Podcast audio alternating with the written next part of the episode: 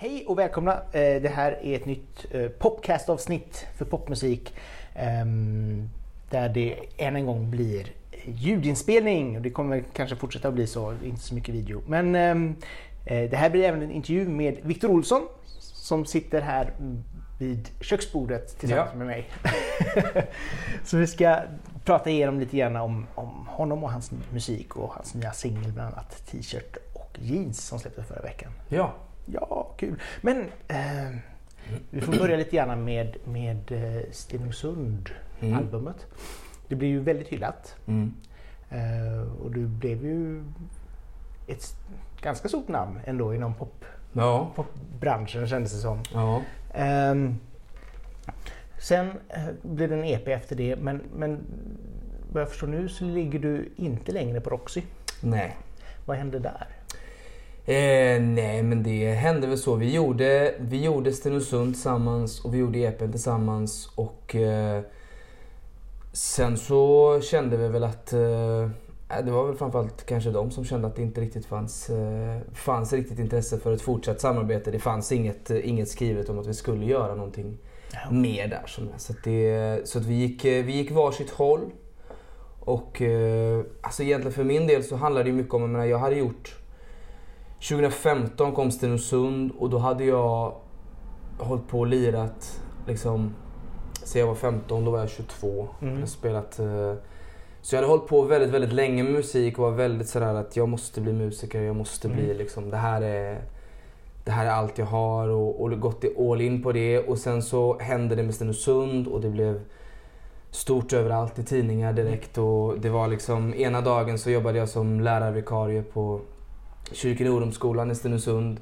Eh, och sen nästa dag så var det en helsida i Aftonbladet om att jag var liksom poppens framtid. Så, så, så, så allting där hände ju väldigt, väldigt fort och, och, eh, och så, så då bara, då körde jag på med det och sen, eh, sen rullade hela 2015 med spelningar och med det. Och sen kom 2016 och då var det EP och så var det stora, stor turné med Anna Ternheim. Mm, och efter det så, så var, då var det som att då hade liksom första varvet gått kändes som. Att, Mm. Och sen så kom jag hem. Eh, jag hade liksom inga, hade ingen, hade ingenstans, att, ingenstans att bo riktigt. Jag, hade inget, jag bodde ju i andra hand här i Göteborg Mm. långt länge.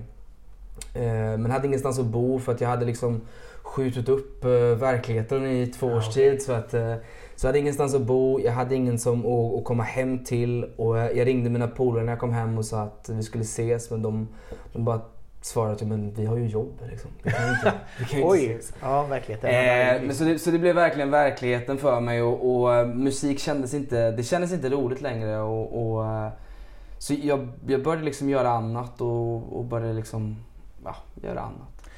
Vad var det som fick dig att hitta gnistan igen då? Jag vet inte, men jag tror det som fick mig först att tappa gnistan var att jag, det kändes helt plötsligt som att jag gjorde musik för alla andra liksom. Alltså att jag, jag, skulle skriva, jag skulle skriva en låt som skulle, som skulle passa där och skulle spelas mycket. Och man, Aha. man går in i det här att det måste hela tiden vara mer och mer och mer. Och man, men, men så är man inte riktigt den, den typen av... eh, Jag älskar, att, jag älskar att vara under, under press och deadlines och hela det kittet. Men, Mm. men just det där att jag vill ändå känna att jag gör musiken för det är ändå det roligaste jag vet. Alltså det är det bästa jag vet. Och då kan jag lika gärna göra annat om inte. Men, men för det, det var väl det som var största grejen med Stenungsund, att den var så ärlig ur ditt perspektiv. Eh, Du hade tagit ner det på en liten småstadsidyll liksom och ändå Mm. sjunger om, om saker som händer runt omkring dig Mm. som många kan, kan relatera till. Mm. Och det är ju lite grann det som gjorde dig unik i, Mm. i det sammanhanget. Att du faktiskt, alltså, det, var, det var inte en uppmålad fasad av någonting annat mer än att det bara var du. Nej, men jag tror att det var viktigt för mig. Alltså jag, jag såg aldrig Stenungsund som någon form av... Det var varken en, en hyllningsplatta eller en, en eh, flyktplatta. Det var, liksom inget, det, var bara, det, var, det var bara så det var. Mm. Det var bara min verklighet och jag skrev om det jag såg. Och det där har jag ju fortsatt med så att eh, till slut så... Alltså det som jag tror är fördelen med, med, med småstaden om man ska prata om den så är det det att det finns... Det fanns ingen musik i Stenungsund när jag växte upp. Utan all musik fick man skapa själv och jag tror att alla drömmar föds i den där tomheten av att man Ja, alltså det är för så här, vi har ingenting att göra alltså, så vi måste hitta på någonting. Och det där tror jag drev mig och det var nog det som fick tillbaks gnistan igen för mig. Att jag insåg det att men ingen annan kommer ju att komma nu här och liksom kom Victor nu gör vi en skiva. Nej. Utan det är bara, ska du göra mer så får du jobba mer liksom. Det är du själv som får göra det liksom. Ja, och jag är väldigt, väldigt förtjust i att ha den rollen på mig själv. att jag liksom piskar igång mig själv till att jobba. Det, och det är också då jag mår som bäst. Jag mår som bäst när jag har fullt upp. Mm. Det, det är så. Men samtidigt så är det väl ganska skönt också att kunna liksom jobba vid sidan om och göra det och så Mm. även då kunna skriva musiken när man känner Mm. för det och inte känna den här pressen att man ska vara heltidsmusiker och varje dag ska man leverera. Nej, men just också tror jag, jag tror att det är väldigt, väldigt lätt att man går in i en bild av att, jag tror att jag hade en, en känsla av att när jag blir musiker så kommer jag träffa alla likasinnade, det kommer vara mina polare där och så tror man att hela världen ska öppnas för den.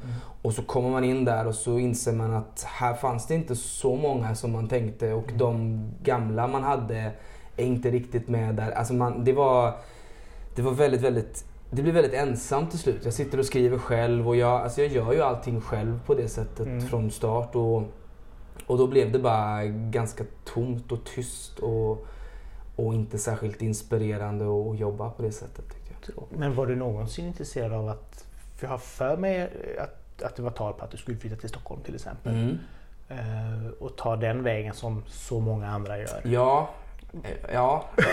Samtidigt då så säga, ja, ja, det har absolut varit då, och jag är, inte, jag är inte främmande för att byta stad om det skulle vara om det skulle vara så. Sen så tror jag att på något sätt, det var också en sån här grej att det var bara så man skulle göra. Alltså man, Mm. man skulle, alltså det fanns en grej av att det kändes ofta som att enda man får prata om, om småstaden det är när man är på väg därifrån. Mm. Och jag på något sätt också känner det ibland när jag hör folk som flyttade till Stockholm för 20 år sedan och så sitter de och liksom lite Ja, men lite klappar de som blev kvar på huvudet så här och liksom tycker lite att så här är livet i småstaden och så här men, men det är ju inte det är ju inte sant och sen är jag kvar i småstaden av en Östersund av en anledning. Det är att jag älskar naturen. Mm. Alltså jag älskar skog och natur och jag är inte någon jag är ingen storstadsmänniska hur mycket jag än kanske önskar att jag skulle vara det.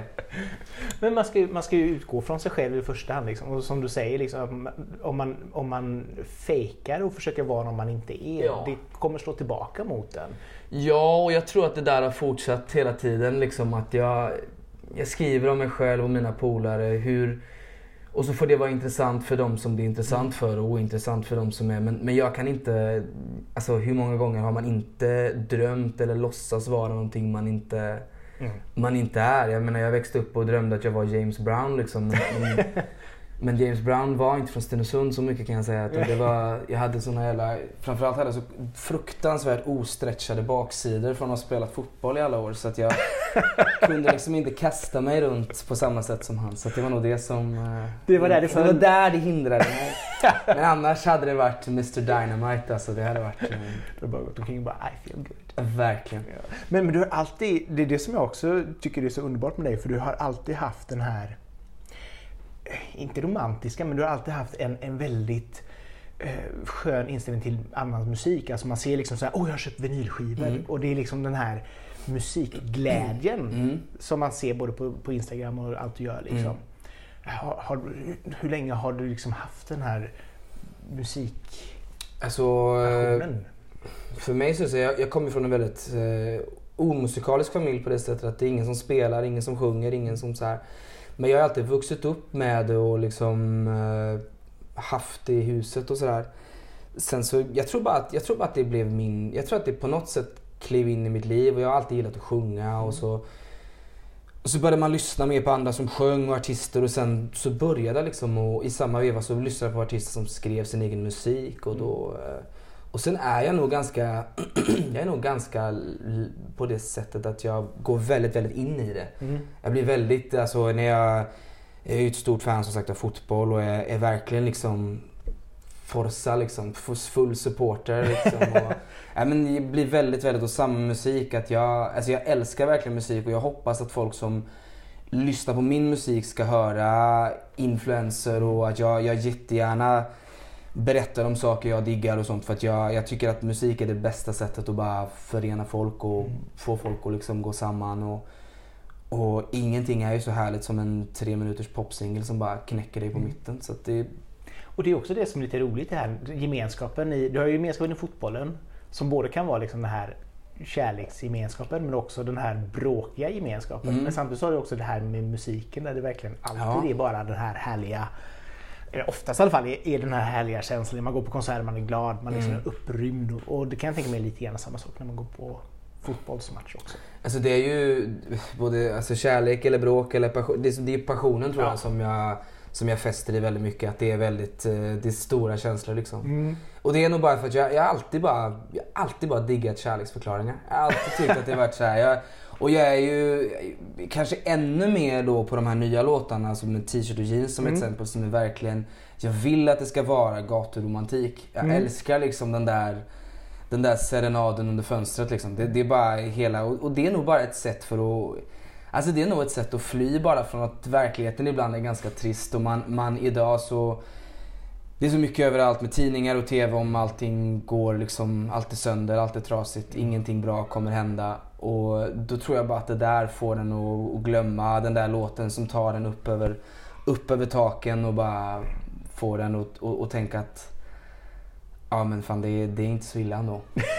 Nej, och jag vet ju själv hur det är. Liksom. Jag älskar ju till exempel det här när man mår lite dåligt. Mm, Och så har jag en sån spellista med bara musik som man mår ännu sämre av. exakt. Och så kan man liksom så här grotta sig i detta och sen när, man, när spellistan är klar så är man såhär, ja, Ja. nu är det ganska bra igen. Ja, men det där är helt sjukt. Jag, alltså jag, en av de så tydligaste minnena man har från såna här grejer det är ju egentligen när man såg, eh, när man såg Kent och de slutade med Mannen i vita hatten och står alla och bara dansar och sjunger att vi ska alla en gång dö. Men det är så här, det är ju sant. Det ska vi göra men på något sätt så är det bara så här, ja men det är okej för att det är en låt och det är, man gör det på något sätt, något sjukt sätt så blir man, den gemenskapen att trösten någonstans i det att man Och, och hade, man gjort, hade man då dött där och då så hade man dött jävligt lycklig. Exakt.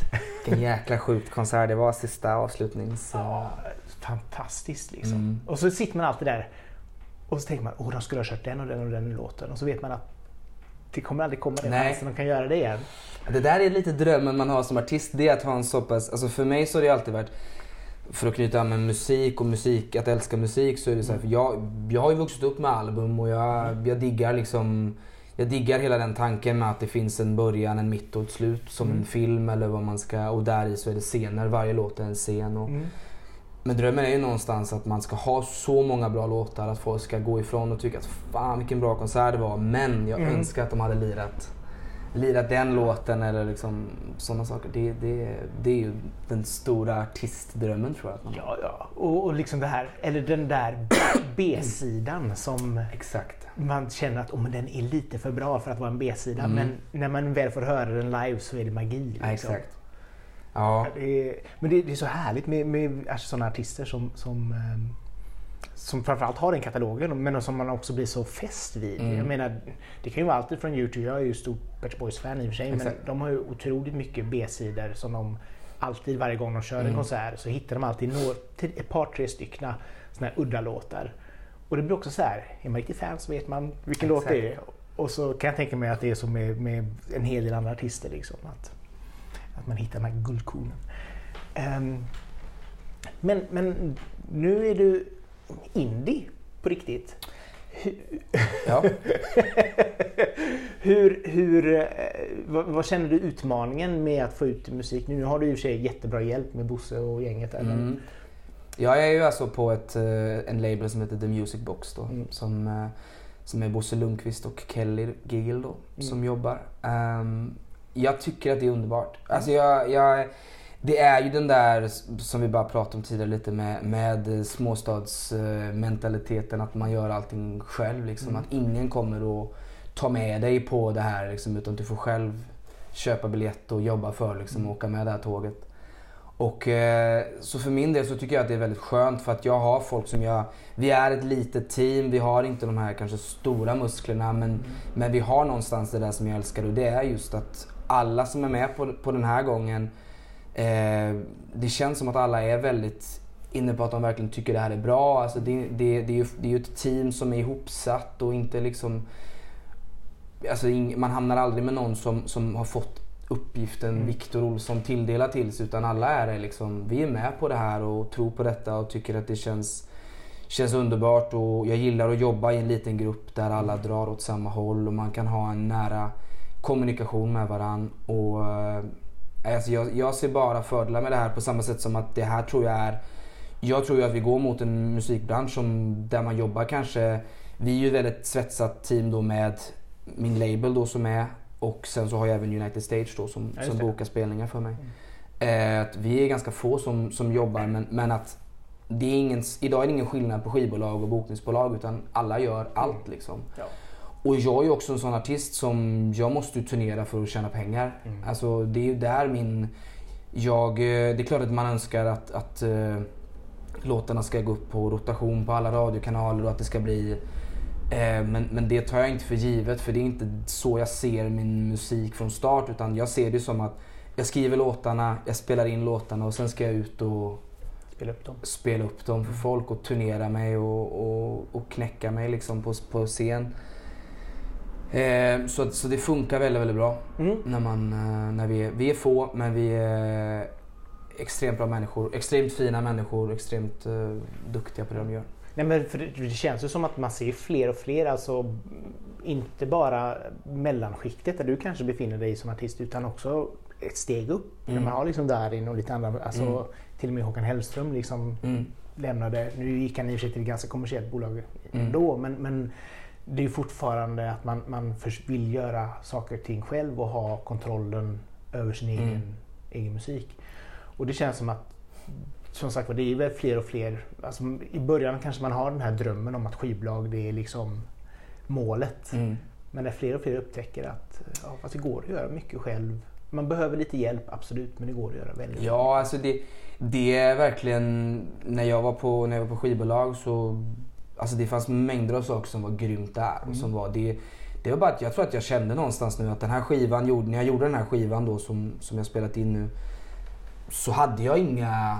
Jag hade inga andra än mig själv att gå till och jag fick ta alla beslut och sånt. Och, och det känns bara helt rätt den här gången att fullfölja den visionen av att jag vill göra så mycket som möjligt eh, på eget håll tillsammans med några människor som, som kan hjälpa mig att Mm. Nå fram med det här. Och, och det, känns, det känns rätt för den här gången men det kanske kommer nästa gång att man hittar ett, ett skivbolag igen. Och, Mm. så, så det är verkligen inget... Eh, hugg till sten. nej, och jag tycker att man, man ska alltid jämföra och man ska alltid... Men det var, det var då och det var Mm. bra och nu är nu och det är också bra. Det, Men första skivan var ju väldigt mycket att du samlade ihop låtar som du hade skrivit under en ganska lång period. mm. Nu känns det som att det ska vara mer ny-nya låtar vad jag förstår. Ja, jo men det är det. Sen så blir det ju alltid under en, en period eh, det är svårt att skriva en bra låt och det är ändå svårare att skriva 12. Så det, det, det, men, nej, men det är klart att det är... eh, Det här blir ju en lite kortare spann. Jag menar det var ju ändå saker jag hade samlat på mig kanske under 7-8 år s- sammanlagt. Liksom. Eh, och nu är det ett år, ett och ett halvt år. Så att, eh, det är ju egentligen från 24 fram till för jag fyller 24. Jag är 25 nu och nu har det börjat släppas. Så att Mm. från säg 24 till 26 då kommer det ehm, att göra. Och sen, sen idag tycker jag också att det är väldigt intressant med just hur man, hur man släpper låtar och inte bara... Jag kommer ju släppa låtar kontinuerligt under året. Mm. Och sen kommer allting samlas ihop i slutet. Istället för att göra den här klassiska två singlar och ett album-grejen Mm. så försöker vi att promota hela. För, för albumet kan ju lätt dö i och med att folk kanske inte tar den tiden längre Nej. att lyssna igenom ett album. Nej. Så då är det bättre att portionera ut singlar var sjätte vecka. Ja, och jag gillar att albumet någonstans som är det där... För mig så är det liksom om man får kalla hantverket, om man ska Mm. kalla det, och hålla i skivan och allt det här. Det blir lite för dem som, som verkligen, verkligen... Det blir som en slags present, vad ska man Mm. säga? Nej men för alla som har följt under hela året att liksom nu knyter vi upp säcken och så gör vi det här. Det är lite... Det är, albumet är bokslutet liksom. Ja. Och så, Och så blir det bara på vinyl. Ja, det tror jag. CD, alltså jag har väldigt lite känslor för CD men väldigt, väldigt starka känslor för vinyl. Och jag vet. Det, det, men det är också bara för att man måste ju komma ihåg att när jag började lyssna på musik, verkligen lyssna. Då var det ju så här, då laddade ju alla ner Mm. Kazaa, DC++. Ja. Alltså jag har ju helt missat CD. Så att där, sen så kom vinyl tillbaka och blev den här lite, lite coola grejen. Och, Ja. och Den lite mer romantiska delen av, av musikbranschen får jag säga. För jag vet ju själv, jag har ju inte ens en, en vinylspelare. Men jag köper ju vinyl för att Ja. jag tycker att det är så snyggt. Ja, ja men det är... Och, alltså det är roligt för alla inblandade också. Jag menar, min, min bror, min storebror är den som tar alla omslag och alla bilder för mig. Och, och den, så det blir också på något sätt att få upp det där fotot. Och få, alltså, det, det, känns, det känns bra för, liksom, för alla tycker jag. Och man får göra, man får göra själva konvolutet. Och, ja, det, är, det är gåshud bara. Nej, det förstår jag. Jag är ju sådär, jag kan ju älska snygga skivomslag liksom som är, Ja. är, är liksom genomtänkta. Alltså ytter, ytterligare då Pet Shop Boys grejen Mm. de är ju mästare på att göra jättesnygga omslag. Mm. Men jag gillar också, men även Stenungsund är snygg. Alltså den här nere Mm. vid hamnen Mm. och man ser fabriken i bakgrunden eller Mm. Gasverket eller vad det är ni har. Ja, plastfabriken. är- Ja, Mm. och det är liksom så här, det blir ändå någon... Och så just den, den toningen på, på färgerna. Det blir någonting magiskt med det. Liksom. Mm. Hur ofta skriver du låtar? Varje dag. Det är så pass? Ja. Sen så kan man väl definiera ordet låtar. jo. Men eh, nej, jag sitter varje dag. Jag sitter varje dag och skriver. Och, och alltså det är samma där. En del människor är väl så att de samlar på sig saker och att de kanske går runt och väntar och samlar idéer i telefonen. Och, och det gör jag också. Men, men för mig så har jag insett att det som funkar är att, det är att jag sätter mig ner. Alltså det, jag, behöver, jag behöver någon form av arbetsplats där jag, dit jag går och där jag skriver och sen går jag hem. Och Mm. så, sen efter och så, det är alltid så här när man låser dörren och går hem så man kommer på den där refrängen och så är man så här. "Fan, Nu sitter, nu sitter min sambo hemma och väntar. Ska jag gå hem nu eller ska jag messa att jag blir en halvtimme sen och att jag måste bara skriva klart det här. Och hon, hon, hon fattar att okej men skriv klart och så. så så att det, det, nej men jag sitter varje dag bara för att jag, jag tycker det är väldigt roligt men jag behöver också göra det. Det, det är bara, jag tänker fan jämt Mm. på musik och på saker och därför så blir det så här, varje gång jag sätter mig och skriver så bara skjuter jag ut ur kroppen på något sätt. Det är bara ett sätt att bara så många känner med, säkert med träning att man, man, man andas ut. Det är på något sätt bara ut med det gamla och in med det nya hela tiden. Som... Så, så nej, jag, jag, jag sitter varje dag. Men jag skriver ju inte en låt om dagen. Nej, jag inte, men, men eh, jag sitter varje dag och skriver. Det, Men jag tror det är viktigt också att som du säger, liksom, man bygger skelett. Alltså Ja. man tar delar och så sedan så till slut så har man liksom en låt. Och så helt plötsligt så kommer det när man vaknar mitt i natten och bara just det, den melodin. Exakt. Där är den. Ja, alltså, jag tror att många har en bild av att leva med en låtskrivare är romantiskt på något sätt. Men det är inte det. Alltså, för rätt vad det sitter du och kollar på en film och så säger de en replik som Ja. man blir så här, alltså så jäkla inspirerad av. Så man bara, "Ah, du får pausa lite. Jag måste bara, och så går man upp och liksom skriver ner det här på datorn och du vet, sjunger in det i telefonen och så bara, ja nu kan vi fortsätta. Så, varje, varje film tar liksom så här, tre timmar. Det är så här, Sagan om ringen långt på varje film. Liksom. Så det, det, finns ingen, det finns ingen romantisk sida med att, att, eh, att vara jag tror jag, tillsammans med någon som skriver låtar. Även om många har nog den där att du vet, sitta vid pianot och Mm, skriva. mm. Och så här, det, det, jag kan döda den uh, myten direkt. Bara avslagen cola varje gång. Liksom. Exakt. Bara. Maten är alltid kall. Men vad, vad brukar du, vad, vad hittar du inspirationen? Alltså, inspirationen till första har ju som sagt var väldigt mycket eh, det du själv har gjort. Men vad, vad kan du mer hitta inspiration ifrån? Filmer, annan musik? Ja, filmer, böcker, musik. Alltså eh, allting egentligen så. Men också väldigt mycket, väldigt mycket saker som... Eh, jag är väldigt, på något sätt tror jag, förtjust i hur folk beter sig tror jag. Alltså att man... Eh, att där finns mycket inspiration. Det finns väldigt mycket inspiration i saker som egentligen är ganska tråkigt. Men, men det kan vara att höra folk som sitter och pratar på en buss. Eller, Mm. Alltså sådana här saker att man liksom... Just för att min musik är väldigt förankrad i verkligheten. Mm. Om än kanske lite, lite målad liksom. Mm. Att det är en tavla. Men, men jag hela tiden försöker att så, så blir det väldigt, eh, väldigt intressant för mig tycker jag när Mm. folk sitter och, och, och pratar eller folk sitter och halvt bråkar i telefon. Eller så. Det, det tycker jag, det inspirerar mig. Du är liksom så mäst, mästaren på diskbänksrealism. Liksom. Ja, exakt. Eh, Nej, men jag tycker att det, jag tycker det är... Ja, man, om, man får, om man får lov att kalla folk för vanligt folk så Mm. tycker jag att de är de... Det är de som är de intressanta och de här som hela tiden försöker att vara så intressanta och så, Mm. så här, de, de är ganska ointressanta för mig. De är, det är snarare de här som bara livspusslet liksom? Ja, fan livspusslet är ett sånt jäkla märkligt ord. Men, men eh, ja, det finns, jag kommer inte på något bättre ord bara för det. Men, men, men folk som kämpar och jag är Mm. och väldigt sådär, folk som går upp på morgonen när klockan ringer. De liksom stoppar in skjortan i byxorna eller vad de gör och så går de till sitt jobb och så kommer de hem och så Mm. det, det, det finns någonting i det där som jag tycker är att min... Som min mormor och morfar som varit tillsammans i liksom 65 år och sitter och tittar ut genom samma fönster. Alltså det, på något sätt så tycker jag att det är... Där är livet Mm. någonstans. På något. Jo, nej, men det är lite grann som nu när du berätt, säger det här så fick ju jag själv liksom vision i huvudet av den här en kvinna som sitter ensam på morgonbussen, verkligen helt ensam och tittar ut genom fönstret. Och man funderar liksom så här, vad tänker hon på? Alltså just Exakt. få, fånga personen i, Mm. i ögonblicket liksom. Lite grann som, som en fotograf. Och för mig har det också varit väldigt viktigt att fånga människor som kanske vanligtvis inte fångas. Alltså, Mm. jag, jag känner att liksom...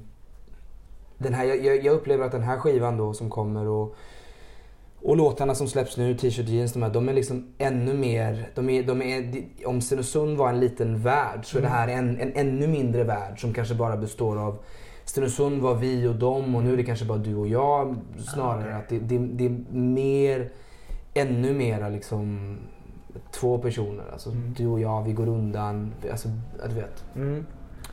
Så, så det där har blivit också att jag försöker hitta liksom, jag upplever att den här skivan är ännu mera en mycket mindre stad än Stenungsund.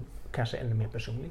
Ännu mer personlig har den varit. Alltså i och med att det på något sätt, den, den kom ju, alltså och det där tror jag är också en grej med att, att inte skriva under press. Det var att när jag skrev den här skivan så skrev jag den bara för mig själv. Alltså det blev en sån här grej att jag, jag när man inte tänker på att någon ska lyssna på det så blir det någonstans att man hittar Att man vågar mer. man vågar kanske lite mer för att man tänker, det blir lite dagbok över det Mm. på något sätt. Att man tänker att, ja men vad har jag att förlora på att liksom, på, på skriva om det här eller säga det här. Och, och eh, jag tycker att det har blivit, jag tycker att det blev eh, skitbra. Jag är så jävla stolt över, över den. Så att, eh, Har, har, har, du är ganska, ganska nyligen förhållande. ja, Eh, har det också påverkat mycket av materialet på något sätt? Alltså den här nyförälskelsen?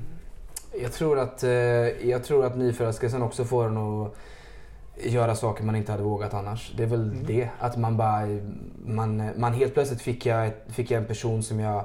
Om jag gick från att men bara jag ska lyssna så var det så här... Men, då har man inte riktigt motivation till att göra klart det för att det, så här, men det spelar ingen roll för att det är bara jag som gör det här och ingen kommer. Men så fort du vet att du har en läsare på din blogg eller att du har någon som bryr sig och som vill höra. Som, som när du har suttit och skrivit eh, säger till dig att men du kan inte spela någon ny låt för mig. Eller så här, då, då helt plötsligt då blir man direkt så här, fan nu måste jag, nu måste jag göra klart det här. Så, att, så jag tror att det som, det som nyförälskan gjorde var att det fick mig att bara göra klart. Hon liksom, och hon, och hon var verkligen så här, hon fattade liksom inte varför jag inte gjorde det eller varför jag inte Mm. gjorde klart. Hon kunde inte förstå att ja, men, vad spelar det för roll om vad de säger eller vad de tycker utan fan gör det bara. Mm. Och eh, det var väldigt, väldigt skönt. Den här sporren som man kanske behöver ibland för att Ja, liksom komma ja vidare. exakt.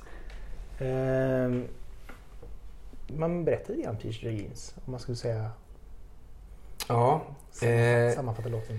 T-shirt jeans var en av de första låtarna jag skrev till, eh, ja, till det som kommer att bli ett album till slut då, men som också blev första singeln nu. Mm.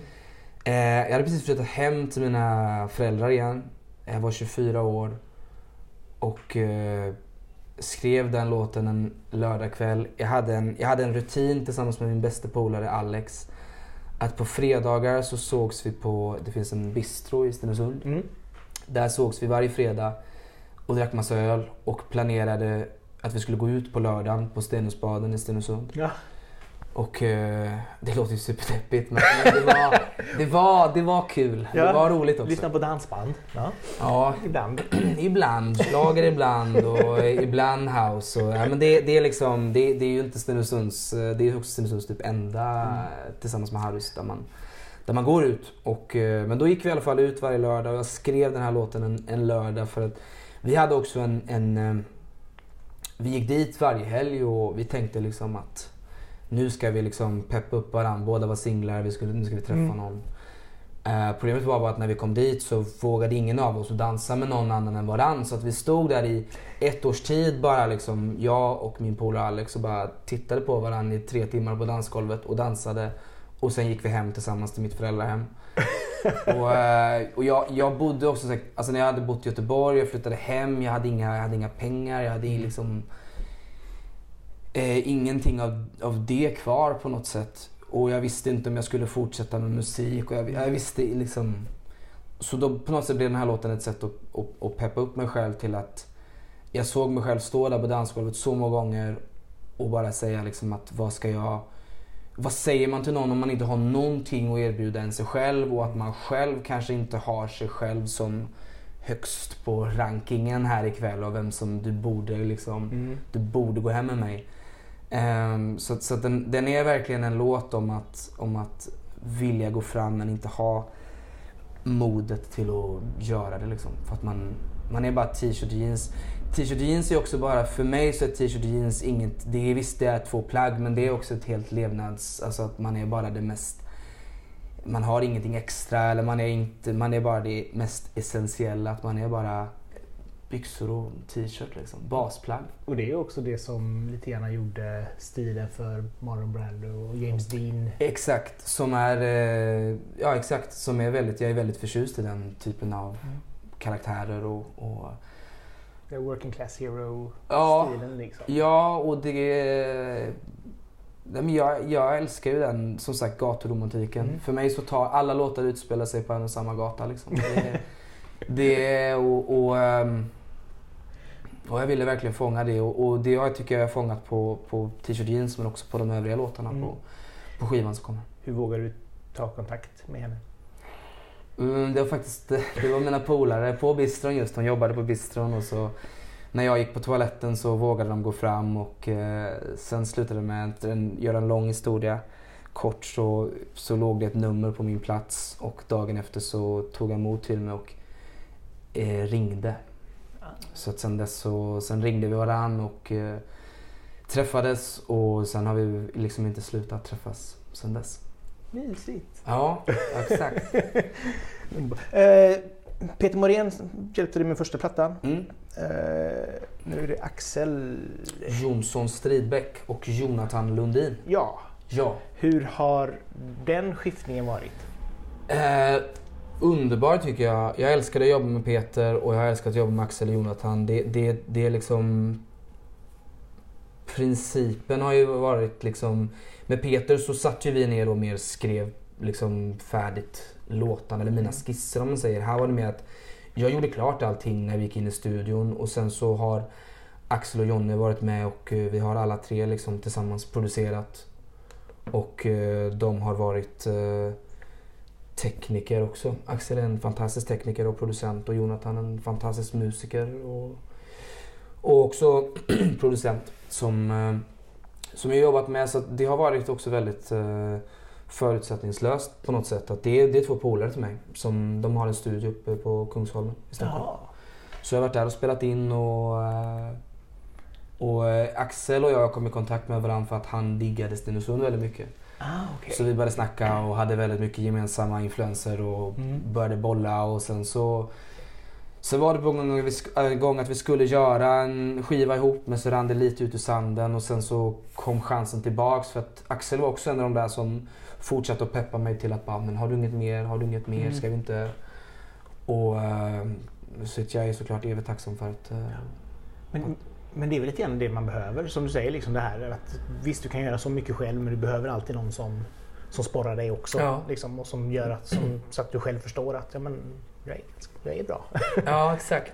och det behövs. Liksom. Och det, det är ju liksom...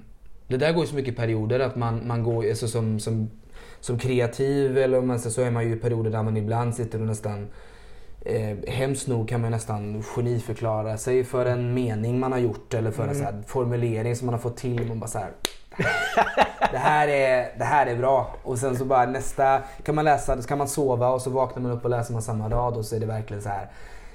"Ja, Det här, det här, är- det här kan jag inte ge ut. Det här är men, men när man har någon som man bollar med så, så kan man lite få eh, perspektiv på vad som är bra. Jag tror att det är...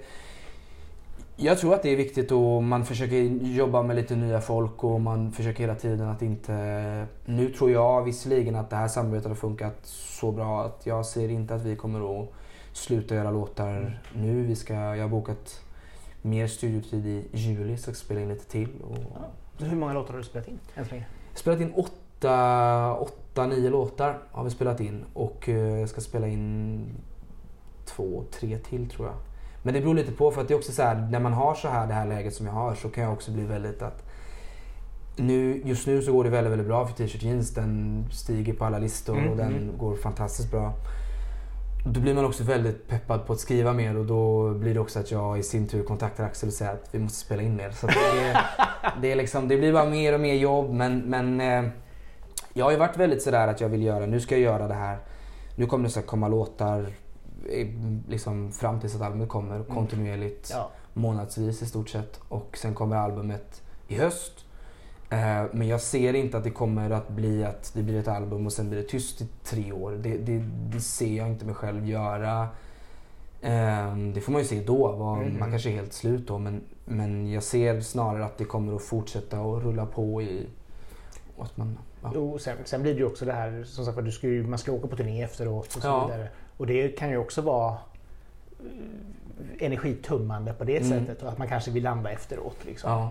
Men samtidigt har du ändå redan spelat in en hel del låtar ja. som kanske inte kommer med på albumet. Så har du en liten förstart Exakt. inför nästa. Liksom. Ja, och sen får man ju se. Men det kan ju mycket väl hända att de här låtarna vi spelar in kanske inte alls blir någonting som är, som är bra. Och då, alltså, mm. Det handlar ju om det hela tiden. Man får försöka hitta och, och eh, jag försöker bara hitta nya vägar hela tiden som känns spännande och som känns mm känns kul och, och jag tror att jag, när man, när man har varit kanske det där att jag gick all in på första skivan och verkligen men sen lite så hade jag inte någon dröm efter det. Eller så här, och jag, jag tror att det viktigaste för mig har varit att hela tiden ha en dröm, någonting att se fram emot, någonting och, och sätta liksom, fästa blicken i och bara mm. att det som komma skall. För att det, det är väldigt lätt att jag behöver som sagt, det är kanske därför jag går och sätter mig och skriver varje dag. För att jag behöver tydliga mål och mm. rutiner. Och, att, eh, och jag kanske inte riktigt på samma sätt, jag vill fortfarande mer än allt annat i världen bli en,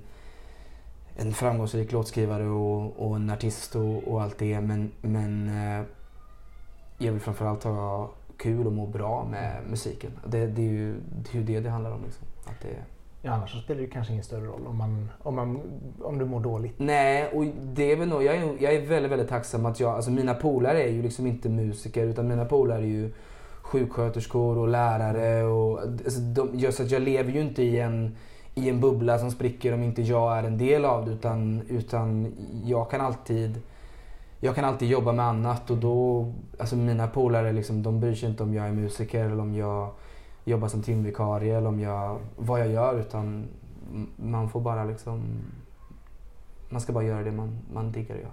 Exakt, så kan man sitta på fredagskvällarna och lyssna på lite Van Morrison med ett glas vin och bara njuta av livet. Ja, alltså, det blir ju aldrig bättre än så. så. Underbart!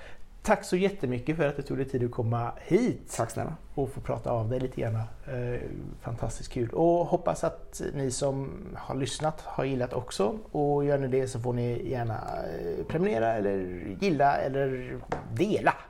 Eh, så hoppas jag att jag kan komma med andra trevliga köksbordsintervjuer ganska snart. Ha det gott så länge. Tack så mycket. Hej hej!